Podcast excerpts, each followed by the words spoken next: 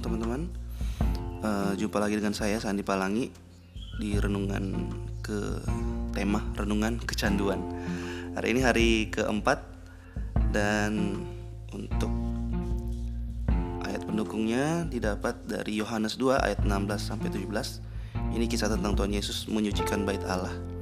Yohanes 2 ayat 16 sampai 17 Di situ tertulis kepada pedagang-pedagang merpati ia berkata, Yesus berkata, "Ambil semuanya ini dari sini. Jangan kamu membuat rumah Bapakku menjadi tempat berjualan." Ayat 17. Maka teringatlah murid-muridnya bahwa ada tertulis, "Cinta untuk rumahmu menghanguskan aku." Wow, luar biasa ya ayatnya.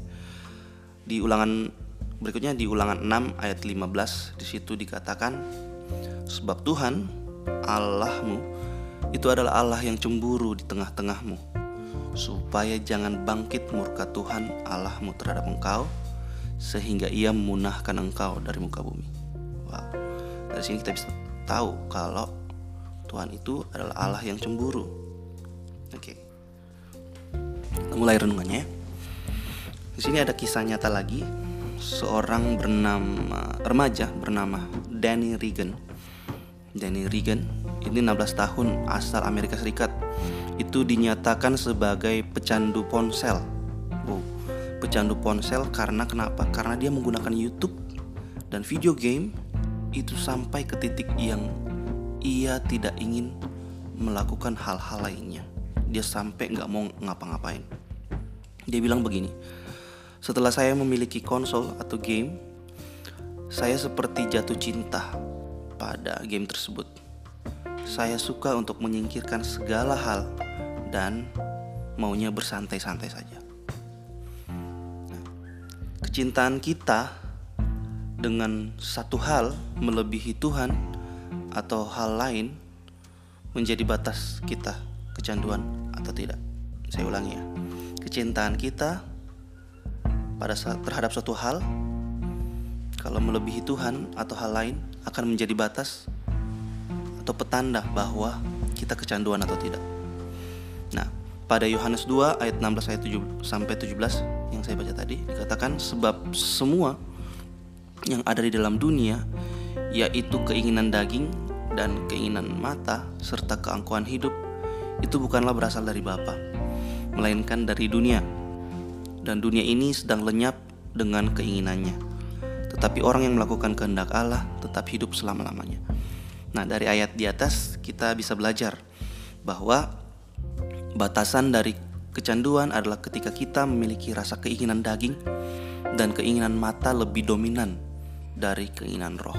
Jadi, batasan kalau secara secara apa? Secara Kristen eh, batas kecanduan ini jelas. Jadi, kecanduan itu saat kita punya rasa keinginan daging dan keinginan mata itu lebih dominan dari keinginan roh. Kita harus sadar S A D A R. Kita harus sadar terlebih dahulu hal apa yang membuat kita jadi kecanduan. Karena sesuatu yang berlebihan dan mengikuti kedagingan kita bukanlah hal yang wajar. Ya, seperti dikatakan di Ulangan 6 ayat 6 ayat 15 Sebab Tuhan Allahmu adalah Allah yang cemburu di tengah-tengahmu. Supaya jangan bangkit murka Tuhan Allahmu terhadap engkau Sehingga ia memusnahkan engkau dari muka bumi. Dari muka bumi.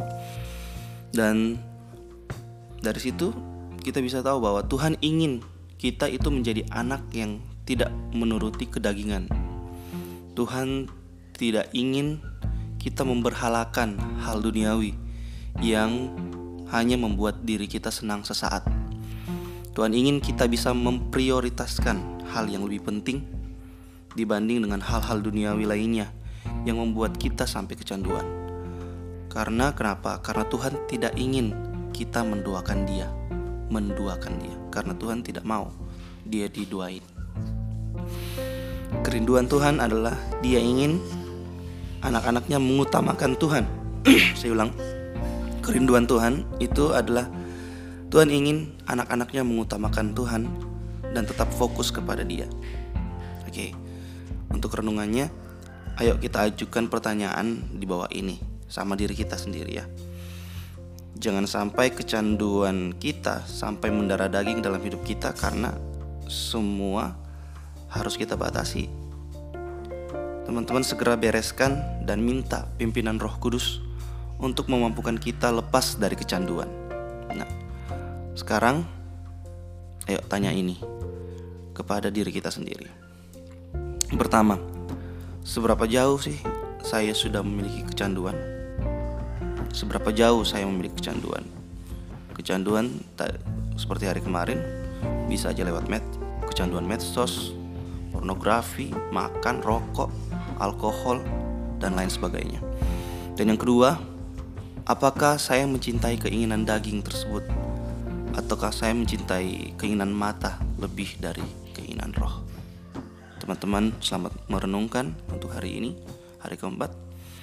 Tuhan Yesus memberkati.